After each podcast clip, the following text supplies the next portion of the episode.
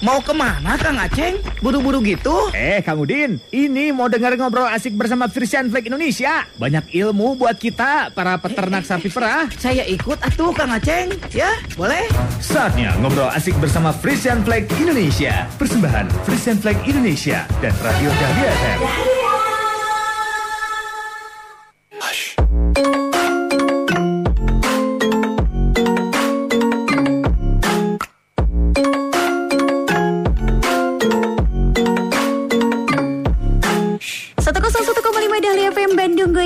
Sik-Asik Assalamualaikum. Apa kabarnya wargi Dahlia di hari Jumat ini? Di akhir Agustusnya di tahun 2021 ya. Di tanggal 27 Agustus 2021 Hadir lagi Baby Alia. Pastinya menemani wargi Dahlia semuanya. Nah malam ini seperti biasa ada yang spesial wargi Dahlia Di setiap dua minggu sekali ya wargi Dahlia. Di Radio Dahlia FM kita hadir di Radio Buara Fashion Flag Indonesia. Apa kabar kawan peternak semua semuanya ada di Lembang, yang ada di Pangalengan juga ya. Mudah-mudahan sehat semuanya. Terus juga mudah-mudahan rezekinya terus selalu berlimpah dan peternakannya juga selalu maju. Amin ya. Yang peternak yang mungkin nggak bisa pantengin lewat radio juga nggak apa-apa karena kita juga lagi live di Facebook dan juga Instagramnya Radio Dahlia FM. Jadi boleh silakan dicari aja ya untuk Facebooknya 1015 Dahlia FM dan juga Instagramnya pun sama. Bisa ditonton live-nya, audionya mungkin bisa direkam juga supaya ilmu ilmunya bisa disimpan karena malam ini pembahasannya sangat-sangat menarik sekali. Ini juga menjadi pembahasan yang sangat penting untuk kawan peternak semuanya ya. Perlu diketahui juga, Radio Buara Frisian Flag ini adalah salah satu program pengembangan peternakan sapi perah Frisian Flag Indonesia yang pastinya program ini membantu setiap peternak untuk memperoleh pengetahuan, terus juga mendapatkan pendidikan dan pastinya untuk bantuan informasi juga agar susu yang dihasilkan ternaknya ini bisa lebih banyak dan juga berkualitas baik karena harus ingat susu yang berkualitas berarti peternaknya juga sejahtera nih ya. Jangan lupa malam ini seperti janjinya Baby Alia tadi ya kalau malam ini bahasannya sangat-sangat penting sekali untuk kawan peternak semuanya karena kita akan membahas seputar kegagalan kebuntingan adalah awal kerugian peternak. Nah, peternak mungkin beberapa yang sudah mengalami aduh rugi pisan baby Alia kalau misalkan udah kegagalan kebuntingan karena itu yang sangat diharapkan ya untuk masa depannya peternak semua. Kira-kira apa sih yang menjadi penyebab kegagalan kebuntingan pada sapi ternaknya? Untuk itu kita malam ini akan bahas bersama-sama dengan narasumber tapi jangan lupa juga kawan peternak boleh untuk ikut bergabung mengirimkan pertanyaannya di 0811 222 1015 dan nanti di akhir acara juga kita akan ada hadiah untuk wargi Dahlia dan juga kawan peternak semuanya ya. Malam ini Baby Alia sudah terhubung dengan Bapak Agung Aribowo ya selaku DDP Supervisor Jawa Barat 2 PT Fresh Flag Indonesia. Halo, selamat malam Pak Agung. Selamat malam, Teh Baby. Ih, kita bertemu lagi. Sudah lama tidak ketemu. Gimana kabarnya iya. nih, Pak Agung? Alhamdulillah sehat, Baby gimana kabarnya? Al Alhamdulillah sehat. Kang Agung sekarang lagi di daerah mana nih? Lagi di rumah di Bandung. Lagi di Bandung. Pantes, sinyalnya mantap nih. Mudah-mudahan hari ini siap untuk memberikan informasi yang menarik untuk peternak, peternak semuanya ya. Siap, siap. Siap. Boleh Mangga disapa dulu kawan peternak yang di Lembang, Pangalengan di Jawa Timur juga yang lagi pantengin Mas Agung Mangga. Ya, selamat malam uh, wargi peternak di Jawa Barat, Jawa Tengah, Jawa Timur, untuk Jawa Barat khususnya di Lembang Pengalengan, selamat malam. Uh, salam sehat lah ya, lalu jaga protokol juga nih. Mm-hmm, ya harus. Semoga selalu sehat. Amin dan jangan lupa pantengin obrolan kita juga sampai selesai ya kawan peternak semua ya. Selain ada Mas Agung di sini juga kita sudah terhubung dengan Dokter Hewan Muhammad Taufik. Ada Bapak Muhammad Taufik sudah terhubung dengan kita selaku lokal representatif Blast Diary. Halo, selamat malam Pak Taufik. Malam Teh Bibi. Sehat Pak Taufik? Alhamdulillah sehat. Alhamdulillah. Lagi di daerah mana malam ini Pak Taufik? Sami sama kayak Mas Agung. Di Bandung? Di Bandung. Iya, gak usah disebutin alamatnya nanti takutnya ada yang tiba-tiba nyusul ya. Pak Taufik boleh disapa dulu kawan peternak yang lagi pada pantengin malam ini? Selamat malam seluruh kawan-kawan peternak sapi perah seluruh Pulau Jawa terutama ya Jawa Barat, Jawa Tengah, Jawa Timur. Salam sehat semua, mudah-mudahan selalu terhindar dari COVID ya. Amin, amin, amin, amin. Sehat-sehat semuanya pokoknya ya. Ya, seperti yang tadi Baby Alia sudah bahas di awal, kalau tema kita malam ini adalah mengenai kegagalan kebuntingan adalah awal kerugian peternak. Kang Agung, ini kan pastinya kita sudah pernah bahas juga di tahun lalu ya, seingat saya. Nah, Ya. eh, di tahun ini kita akan bahas secara spesifik juga terkait kemajiran atau kegagalan kebuntingan. Apa sih yang membuat hal ini sangat penting sekali untuk dibahas, Kang Agung? Ya, mengenai kegagalan kebuntingan itu eh, kita bahas mengenai dari sektor ekonomi ya, eh, apa namanya TBB. Iya. Jadi memang ketika si sapi itu nantinya gagal bunting atau tidak bisa melahirkan, itu pasti berdampak sangat berat buat peternak itu. Dia bisa berdampak dalam hal apa namanya eh, peremajaan sapi, terus juga secara ekonomi juga nantinya misalkan pedetnya tidak bisa dijual kan karena meninggal atau mati kan juga sangat merugikan ya gitu sih. Mhm, Nanti kita akan bahas sama Dr. Taufik juga mengenai faktor-faktornya apa saja yang bisa menyebabkan. Nah, boleh mungkin sebagai pembuka Pak Dokter Taufik ya untuk dikasih tahu sama kawan peternak semuanya sebetulnya faktor-faktor apa aja sih yang menyebabkan kegagalan kebuntingan ini Pak Dokter? Hmm, Nah, untuk faktornya, biasanya saya bagi jadi dua. Faktor yang sangat berkaitan dengan sapinya sendiri, jadi internal sapinya. Dan yang kedua adalah faktor eksternal. Nah, untuk yang internal ini kurang lebih 52% yang menyebabkan kegagalan kebuntingan, sedangkan sisanya itu dari eksternal. Kalau faktor untuk internal, yang 52% tadi itu eh, di antaranya kondisi umum, kesehatan sapinya seperti apa, kondisi kuku sapinya, hormon sapi, dan genetik. Sedangkan eksternal itu yang 35% berkaitan dengan perlakuan manusia terhadap sapi, baik dari manajemen pemeliharaan maupun nutrisi atau pakan yang diberikan, terutama pada masa transisi. Nah, sisanya baru tuh lingkungan, cuaca, Mhm. dan inseminasi. Oke, tiga faktor ini nanti akan dibahas secara lengkapnya lagi. Tapi saya pengen tahu dulu nih kepo nih sama Mas Agung ya. Kalau dilihat dari sisi industrinya, kenapa sih eh, Frisian Flag ini sangat-sangat menaruh perhatian sekali terkait hal ini, Kang? Wah jelas sekali eh, TBB. Jadi kalau kita lihat ya, ketika si sapi itu nantinya melahirkan, tentunya nanti akan memasuki fase di mana puncak laktasi TBB. Hmm, Nah itu kan produksi susunya kan sangat banyak TBB. ya. Nah jadinya kalau misalkan susu tersebut bisa dihasilkan lebih banyak dan bisa diterap oleh industri, itu tentunya akan berdampak baik untuk peternaknya. Gitu. Di sisi lain juga peternaknya juga lebih sejahtera, ditambah lagi ada aset dalam hal ini adalah pedet TBB gitu. Hmm, Oke. Jadi mereka pasti akan terbantu gitu. Misalkan selama uh, setahun itu mereka bisa menghasilkan satu ekor pedet gitu TBB. Oke, berarti secara tidak langsung kegagalan kebuntingan ini juga akan berpengaruh terhadap produktivitas susunya dan terhadap eh, pendapatan dari peternak juga ya. Iya benar TBB. Mhm, Oke, nanti saya menarik sekali akan bahas bersama dengan Pak Dokter Taufik ya yang tadi faktor-faktor yang katanya ada pengaruh juga dari perlakuan manusia. Nah, berarti perlakuan peternak yang seperti apa yang membuat kegagalan kebuntingan pada sapi perah ini? Kita akan lanjutkan lagi nanti ya. Sebelumnya kita akan dengarkan dulu ini ada mini drama persembahan dari Frisian Flag Indonesia. 101,5 Radio Dahlia FM. Radio nomor 1 di Bandung.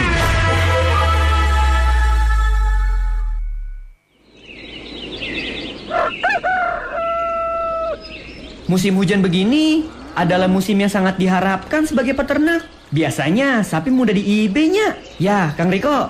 Benar Kang Riki, tapi perlu diingat, dua tahun ini musimnya nggak jelas. Kadang hujan, kadang panas, terus hujan lagi, panas lagi, seperti lagu dangdut.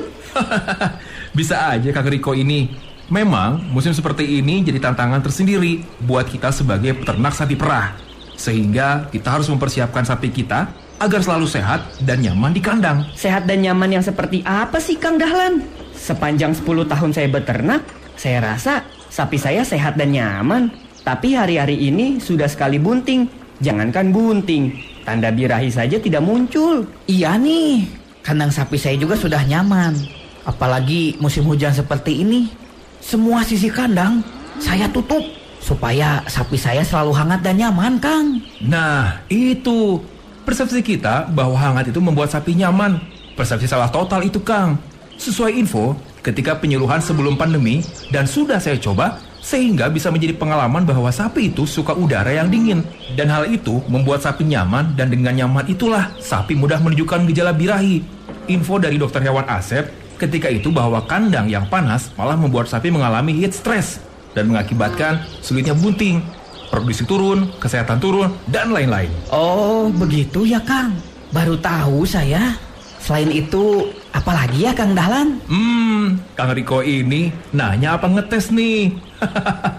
ya, tentu selain suhu kandang, juga ada faktor pakan yang harus dipenuhi, di mana kita benar-benar harus menghitung pemberian pakan, seperti rumput yang harus selalu ada, dan terutama konsentrat, tidak boleh berlebihan. Karena kalau berlebihan, akan berakibat banyak hal, seperti asidosis yang akan berlanjut ke banyak hal, termasuk gangguan keseimbangan hormon yang terkait untuk birahi dan kebuntingan. Walah, ke mana aja kita selama ini ya Kang Riko? Besok harus segera kita coba ini. Sepakat, Kang. Wah, mantap akang-akang. Kita seruput dulu kopi kita yang sudah dingin ini. Yuk! 101,5 Radio Dahlia FM. Radio nomor 1 di Bandung. 101,5 Dahlia FM Bandung Goyang Sik Asik balik lagi masih barengan sama Baby Alia pastinya di Radio Buara Persian Flag Indonesia ya. Malam ini kawan peternak semua yang baru bergabung yang terlambat gabung gak usah khawatir ya karena kita tadi baru pembukaan ya masih belum panas pembahasannya ya. Kita masih membahas seputar kegagalan kebuntingan adalah awal kerugian peternak ya. Pastinya kita sudah terhubung lagi juga nih sama narasumber kita ada Kang Agung dan juga Pak Dokter Taufik ya sudah terhubung kembali. Halo. Halo. Iya, kompak sekali luar biasa ya. Oke, tapi sebelum saya eh, ajukan pertanyaan lagi, jangan lupa juga nih Wargi Dahlia tadi sudah mendengarkan eh, mini drama persembahan dari Radio Buara ya. Tapi jangan lupa juga kawan petrak semua ya, tahu nggak sih Baby Alia mau ngasih informasi yang penting juga. Berdasarkan sebuah penelitian di Jawa Timur, tingkat pemahaman peternak sapi perah terhadap manajemen kandang dan pakan yang baik dan benar itu dapat menurunkan tingkat kegagalan kebuntingan hingga 80%. Setuju nggak Pak Dokter Taufik dengan statement ini? Sangat setuju. Mhm, luar biasa. Tadi eh, menyambung obrolan eh, Pak Taufik ya, Pak Dokter tadi sempat bilang kalau misalkan faktor-faktor yang menjadi kegagalan kebuntingan itu adalah biologis, manusia dan juga lingkungan gitu ya. Kalau faktor biologis mungkin masih bisa didete- deteksi sama dokter hewan, bisa dikonsultasikan. Nah, yang menarik adalah faktor manusia yang terkait kebuntingan ini. Bisa dijelaskan nggak mengapa manusia memegang peranan dalam kegagalan kebuntingan ini, Pak Dokter? Ya, jadi manusia yang saya maksud tadi itu Mhm. ada dua sebenarnya. Mhm. Tapi dua-duanya sama-sama berinteraksi langsung dengan sapi. Mhm. Jadi yang pertama, kita tahu, antri, inseminator. Nah, yang kedua ini yang paling pertama, yaitu peternaknya sendiri. Mhm. Yang harusnya sih sering ketemu dan hafal sama sapinya. Jadi, contoh yang menentukan keberhasilan kebuntingan adalah mendeteksi birahi atau berdarinya. Karena kan yang harus yang pertama tahu kan peternaknya nih. Mhm. Melihat gejalanya dengan gejala, kalau bahasa Sundanya masih gabe, jadinya berem, bareh, basel. Iya. Kalau kata bahasa Jawanya mah tiga A, gitu. Mhm. abu abang anget.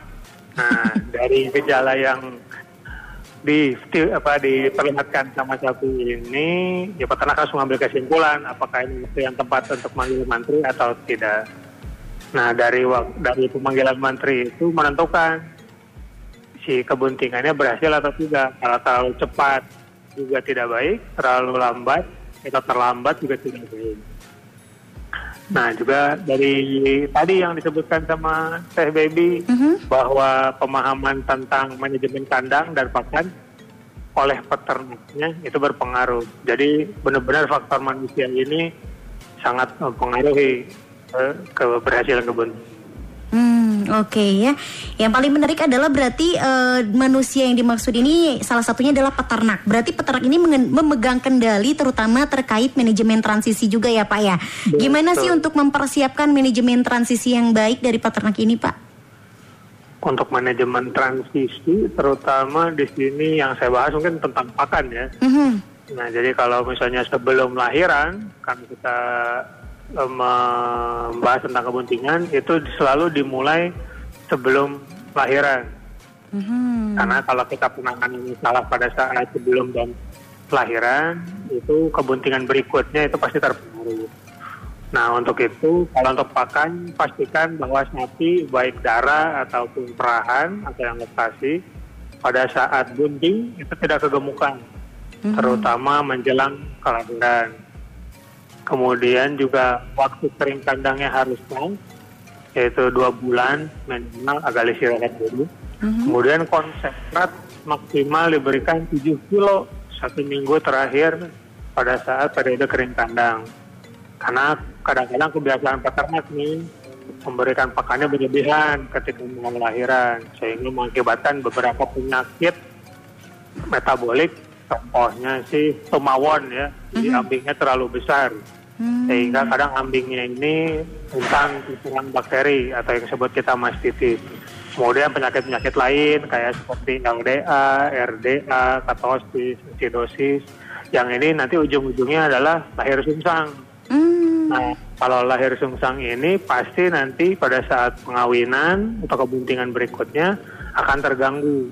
Mhm. Makanya periode ini sangat penting. Kemudian pada saat lahiran, selain sebelum lahiran tadi ya, nah minimal sapinya ketika lahiran itu setelah lahiran minum literan air hangat seberat pedetnya. Jadi kalau pedet lahir 75 kilo, minimal air yang diminum 35 liter. Hmm. Makanya ini penting untuk menimbang pedet ketika lahir, biar tahu airnya itu minimal minum berapa. Mhm. Nah, air tadi bisa ditambahkan gula merah atau garam biar rasanya enak, sama kayak orang lah ya kalau Iya. minum yang uh, gurih-gurih. Iya. Biasanya uh, mau banyak, kemudian dilanjutkan sama rumput kering biar tidak terjadi penyakit-penyakit tadi. Hmm, Oke, itu manajemen transisi yang sangat-sangat harus diperhatikan dari awal sebelum bunting, bunting dan pada saat setelah melahirkan juga ya Pak. Benar-benar harus diperhatikan banget ya sama peternak ya. Betul. Mhm. Oke, tadi sudah dibahas mengenai faktor manusia. Kalau sekarang saya pengen tanya sama Kang Agung nih ya menyambung dari eh, pembicaraan Pak Dokter Taufik tadi di awal, ada juga faktor lingkungan. Nah, kalau Kang Agung boleh nggak sih ngejelasin sama kawan peternak semuanya yang mempengaruhi kebuntingan itu bisa dari faktor lingkungan itu yang seperti apa sih Kang? Ya, faktor lingkungan tuh lebih ada manajemen sebenarnya. Nah, Jadi, uh, penting kan tentunya perlu lingkungan yang aman ya uh, di dalam kandangnya gitu. Mhm. Terus juga uh, situasi yang tenang dan juga tidak ada yang apa namanya, tidak ada yang banyak uh, interupsi atau banyak gangguan dari luar gitu. Dan kalau kita bahas itu sih lebih kepada ke apa namanya kenyamanan di kandang sih. Jadi yang pertama mungkin eh, ventilasi, dia apakah apa namanya ventilasinya itu nyaman, membuat sapi tersebut nyaman gitu, tidak tidak tidak engap ya istilahnya ya. Kalau misalkan apa namanya kalau lingkungan kandang yang tertutup itu tidak terlalu engap gitu. Terus juga dilihat dari apa namanya eh, cahaya yang masuk, apa namanya sinar matahari itu juga penting ke baby Oh. gitu. Jadi si sapi juga nantinya bisa mengenali eh, pagi atau malam gitu. Karena kan aktivitas eh, aktifnya si sapi itu kan lebih banyak di siang hari ya. Mhm. Gitu. Itu juga bisa mempengaruhi juga. Hmm. Terus juga ya tadi sampaikan sama Dr. Topik ada pakan juga berpengaruh, juga tempat pakannya juga pastinya berpengaruh dan juga tempat minumnya harus apa namanya eh, sedia setiap saat ya Mhm. Kemudian juga eh, apa namanya kondisi kandangnya dalam hari ini untuk rebahan gitu kalau misalkan dia tempat rebahannya itu kering dan juga bersih itu juga bisa menghindarkan penyakit yang nantinya berpengaruh pada kebuntingan si sapi tersebut TBB. Oke, baik. Pak Dokter Taufik ada tambahan mengenai faktor lingkungan yang barusan sudah disampaikan Kang Agung? Ya, mungkin sedikit tadi mengenai tempat rebahan ya. Ini sangat berhubungan sama kondisi kuku atau kesehatan kuku sapi. Jadi kalau lantainya sering basah, keras, kotor, itu kuku pasti sakit. Biasanya selain juga kuku dipengaruhi oleh pakan. Nah, kalau kukunya sudah ada penyakit atau ada rasa sakit, biasanya sapi susah bunting. Hmm. Ya perawatan kuku juga penting, medicure, pedicure. Iya. Itu juga penting. Gak perlu dibawa ke salon, tetap di kandang aja perawatannya ya.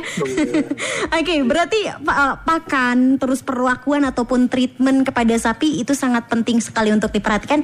Ibaratnya itu laku, eh, berikan perlakuan yang sama seperti manusia juga ya. Ketika sapi bunting kan pengen dimanja gitu ya. Iya. Oke. Sayang. Iya disayang tuh sama peternaknya harus disayang setiap saat. Biar nanti juga ketika proses lahirannya lancar dan nanti produksi susunya juga bisa meningkat lagi ya Pak ya. Oke, kita bacakan pertanyaan yang sudah masuk. Ini dari, dari kawan peternak semuanya. Antusiasnya sangat luar biasa sekali. Banyak sekali pertanyaan yang sudah masuk ya Baby Alia bacain dulu dari yang pertama ini. Ada siapa nih? Assalamualaikum Waalaikumsalam ya. Sama siapa? Ini nggak sebutin nama. Eh, saya mau tanya nih. Yang pertama katanya eh, Bapak eh, penyebab utama kematian embrio dini itu apa terus yang kedua perlakuan yang seharusnya dilakukan untuk menangani sapi habis abortus itu harus gimana kenapa sapi yang habis abortus itu mudah untuk dirahi kembali Pak Dokter Taufik mungkin yang akan menjawab terlebih dahulu mangga Pak Siap. Kalau untuk kematian embrio dini, wah ini pertanyaannya luar biasa ya. Mhm. Sudah main embrio-embrio ini. Iya. Itu ini biasanya alasannya karena satu sih paling utama, yaitu sapinya belum siap. Mhm. Nah, sapinya belum siap itu kenapa? Biasanya kondisinya namanya NEB atau negatif energy balance. Jadi kekurangan energi. Mhm. Jadi buat hidup saja masih susah, Mhm. gimana mau melanjutkan kebuntingan? Makanya biasanya secara alami embrionya mati atau digugurkan karena kurang energi. Terus ke mengenai abortus ya. Iya betul abortus. Nah, sebenarnya itu pertanyaannya cukup aneh ya, karena biasanya abortus itu susah timbul beger. Birahi, hmm. ya, birahinya susah keluar, tapi kalau birahinya bagus, berarti dia melewati recovery abortusnya cukup baik Oke. gitu. Justru, karena abortus hmm. biasanya karena penyakit. Oke, berarti kabar baik justru ya habis abortus malah untuk mudah untuk birahi kembali ya. Ya betul, cuman tetap harus dicek apakah benar-benar sudah bersih atau belum. Karena untuk kebuntingan organ reproduksi itu harus bersih, steril, dan nyaman. Mhm, baik. Ada yang mau ditambahkan, Kang Agung? Eh, iya sih kurang lebih sama ya sama dokter Taufik ya itu juga kita juga melihat bahwa eh, ketika habis keguguran terutama itu memang harus dipastikan juga organ apa namanya organ di dalamnya ya. Eh, apakah dia sudah bersih terus juga apakah penanganan pada saat dia kalau istilahnya tuh kita apa namanya eh, bersihin ya kayak kurat lah gitu ya. Iya. itu apakah dengan kondisi yang steril apa enggak? Itu karena kan nanti akan mempengaruhi juga untuk kebuntingan berikutnya gitu. Oke, baik ya. Pertanyaan berikutnya nih, ada yang bertanya juga, eh, Pak Dokter Taufik, eh, sapi saya itu sulit bunting, tapi pas bisa bunting produksinya malah jadi anjlok. Itu apa sebetulnya yang terjadi katanya Pak Dokter? Jadi normal, kalau disebutkan normal, normal. Mhm. Karena hormon kebuntingan dan hormon produksi susu itu kerjanya bukan berseberangan ya, tapi tidak saling menguatkan juga. Jadi ketika ada kebuntingan, memang hormon produksinya itu pasti ketekan Hmm. atau berkurang. Jadi memang produksinya secara normal akan turun. Oke, berarti itu mah normal-normal saja ya. Terus juga ada Kang Ujang dari KPBS eh, KPBS TPK Citawa mau tanya apa sih penyebab sapi kalau di IB lebih dari 2 sampai 3 kali katanya Pak Dokter. Aduh, banyak ya. Secara Ya, simpulannya boleh? Salah satunya yang tadi kita bahas tadi. Mhm. Jadi intinya sih kenapa 2 sampai 3 kali sapinya siap atau tidak. Karena 52% kan dari sapinya sendiri. Jadi kalau sapinya belum siap otomatis pasti gagal lagi, gagal lagi. Tadi yang berkaitan dengan kematian embrio dini. Mhm. Kemudian yang kedua kalau sudah punya penyakit sudah bersih atau belum? Mhm. Karena sperma yang masuk ke dalam rahim atau uterus itu harus pada uterus yang bersih, steril dan nyaman tadi. Kalau masih ada kotoran sedikit, darah, kencing, nanah itu bisa mati sperma. Jadi nggak bunting. Oke, baik. Ada tambahan Kang Agung? Ya sama sih cukup sih. Cukup ya? Lebih Oke. ahli dokter Topik. Baik, sudah cukup dijawab dengan jelas sama Iya. dokter Topik ya. Untuk selanjutnya ini ada Ramdhani dari KPBS TPK Citawa. Pak, saya pengen tanya, apa penyebab keguguran bunting di atas lima bulan? Soalnya selalu aja sapi saya sering kegugurannya di lima bulan ke atas katanya Pak. Silakan Pak Dokter. Aduh, ini evaluasinya harus agak jauh ya. Karena kalau bagi saya eh, tetap harus ada hasil ujinya ya. Karena apakah ini penyakit yang disebabkan oleh bakteri, virus atau kawan-kawannya, atau karena salah manajemen. Hmm. Karena kalau karena penyakit tadi, bakteri, virus dan kawan-kawan itu harus melalui serangkaian tes. Mhm. Nah, kalau untuk daerah Jawa Barat ini ada beberapa daerah yang memang ada penyakit brucellosis itu bisa menyebabkan abortus. Mhm. Nah, kemudian kalau yang karena manajemen itu biasanya berhubungan dengan kandang, pakan yang diberikan, apakah bersih atau tidak, berjamur atau tidak. Karena pakan yang berjamur ada racunnya. Nah, kalau kena racun biasa mengakibatkan itu. Kemudian stres berlebihan karena misalnya kandangnya kepanasan, tadi yang kalau kata misalnya ungap, gitu ya. Nah, itu juga bisa menyebabkan abortus atau keguguran. Hmm, baik ya, terima kasih Pak Taufik. Selanjutnya kita akan bacakan lagi pertanyaan. Ini banyak sekali, alhamdulillah malam ini ya yang antusias dari kawan peternak semuanya.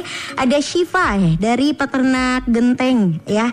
Pengen tanya, apa faktor genetik itu kan tadi mempengaruhi kegagalan kebuntingan. Nah, gimana cara untuk mendeteksi dari sejak dininya katanya Pak Dokter? Eh, salah satunya dengan pencatatan ya. Mhm. Jadi ada beberapa penelitian yang menyebutkan kalau satu induk nih pernah mengalami gangguan kebuntingan, baik kematian embrio dini, lahir sungsang atau lain-lain, itu biasanya menurun ke anaknya. Oh. Jadi kalau nanti anaknya betina, anaknya kemungkinan besar mengalami hal serupa dengan ibunya. Hmm, iya, iya. Bagaimana kita tahu ya dilihat dari pencatatan. Hmm, dari Kalau historinya ya. Betul, dari fisik akan kelihatan. Hmm, ya, jadi harus rajin mencatat juga nih kesehatan sapinya ya. Oke, baik ya. Selanjutnya ada Teh Siti Anissa dari TPK Pojok. Assalamualaikum, Waalaikumsalam. Eh, Pak Dokter, saya punya sapi hampir 18 bulan. Dari kelahiran pertama ini belum hamil lagi. Birahinya tidak agresif, jadi sering kelewat IB. Udah dicoba dihitung 18 hari dari paste metersus, tapi tetap saja nggak jadi-jadi. Apa eh, fertilitas sapinya kurang atau ada gangguan pada alat reproduksinya atau ada faktor lain katanya Pak Dokter?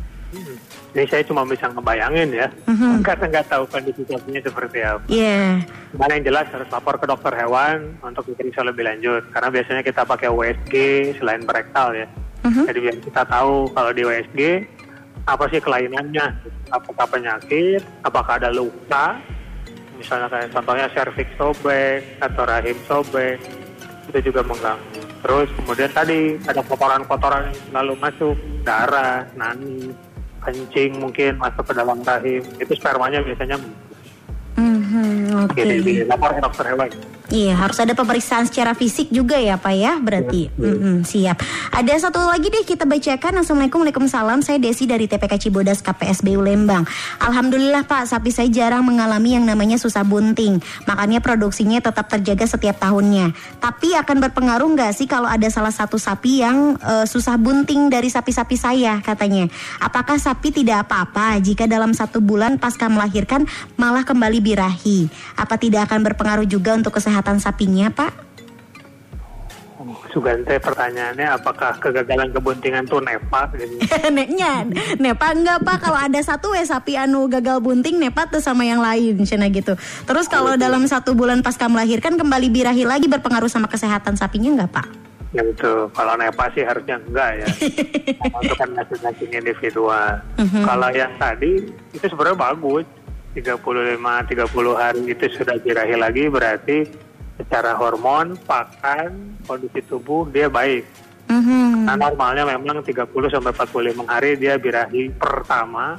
Kalau orang eh kalau manusia mah bebersih lah gitu ya. Ya. Kotorannya keluar dulu. Nah setelah nifasnya habis atau kotorannya habis, baru bisa di IB di hari ke atau di siklus berikutnya biasanya hari ke 50 atau 60. Mhm. Jadi itu malah bagus sapinya. Iya baik. Ada yang mau ditambahkan Kang Agung sebelum kita break iklan terlebih dahulu?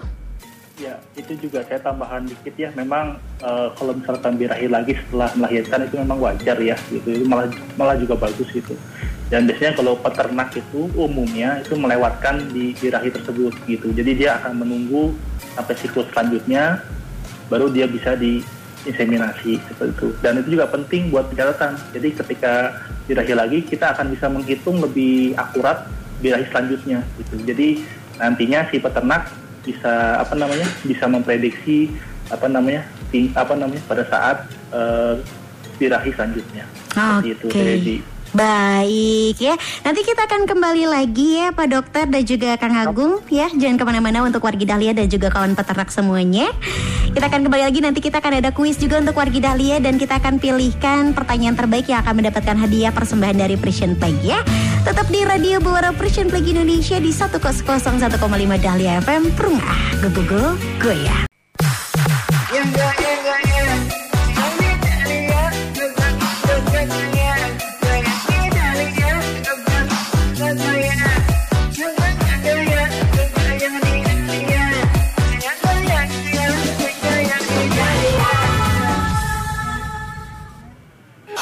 Masih di Radio Bawara Frisian Flag Indonesia bareng Baby Alia. Selamat malam wargi Dahlia, kawan peternak yang lagi pantengin juga via live Facebook dan juga live Instagramnya juga ya.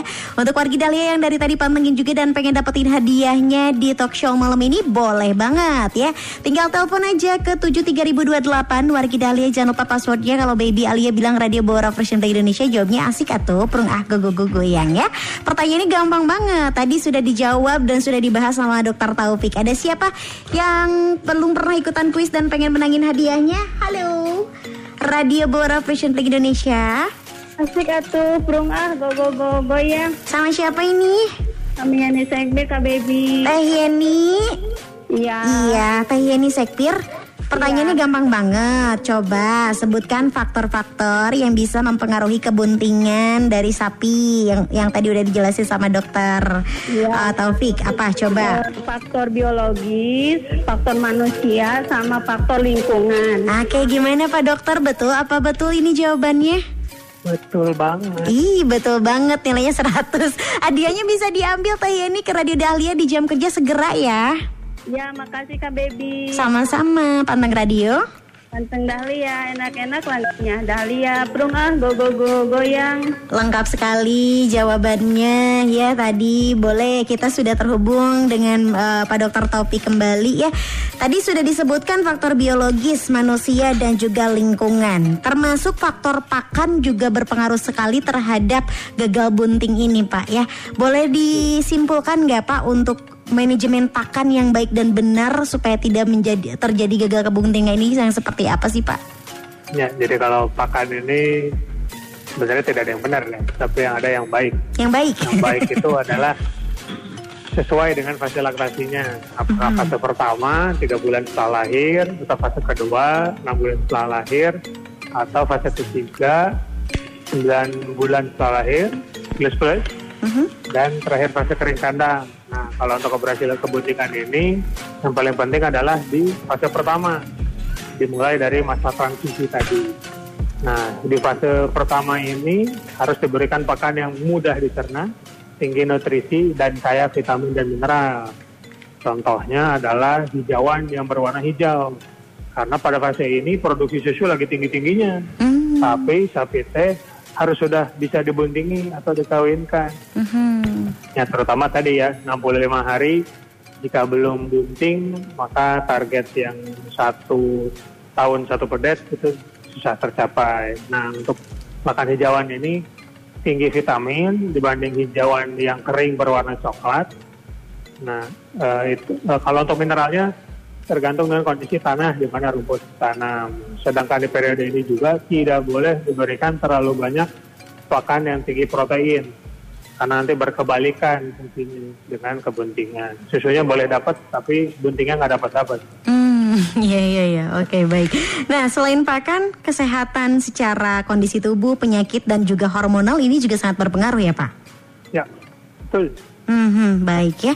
Oke, karena berhubung ini kita terbatas waktunya, tapi pertanyaan malam ini sangat banyak sekali dari kawan peternak luar biasa antusiasnya mengenai tema kita malam ini nih Pak. Mungkin dari masing-masing dari Pak Dr. Taufik dan juga Kang Agung, kesimpulan yang mau disampaikan terkait tema kita malam ini apa? Boleh mangga dari Dr. Taufik terlebih dahulu? Ya, kalau dari saya hanya mengingatkan bahwa peternak adalah faktor utama yang menentukan keberhasilan kebuntingan.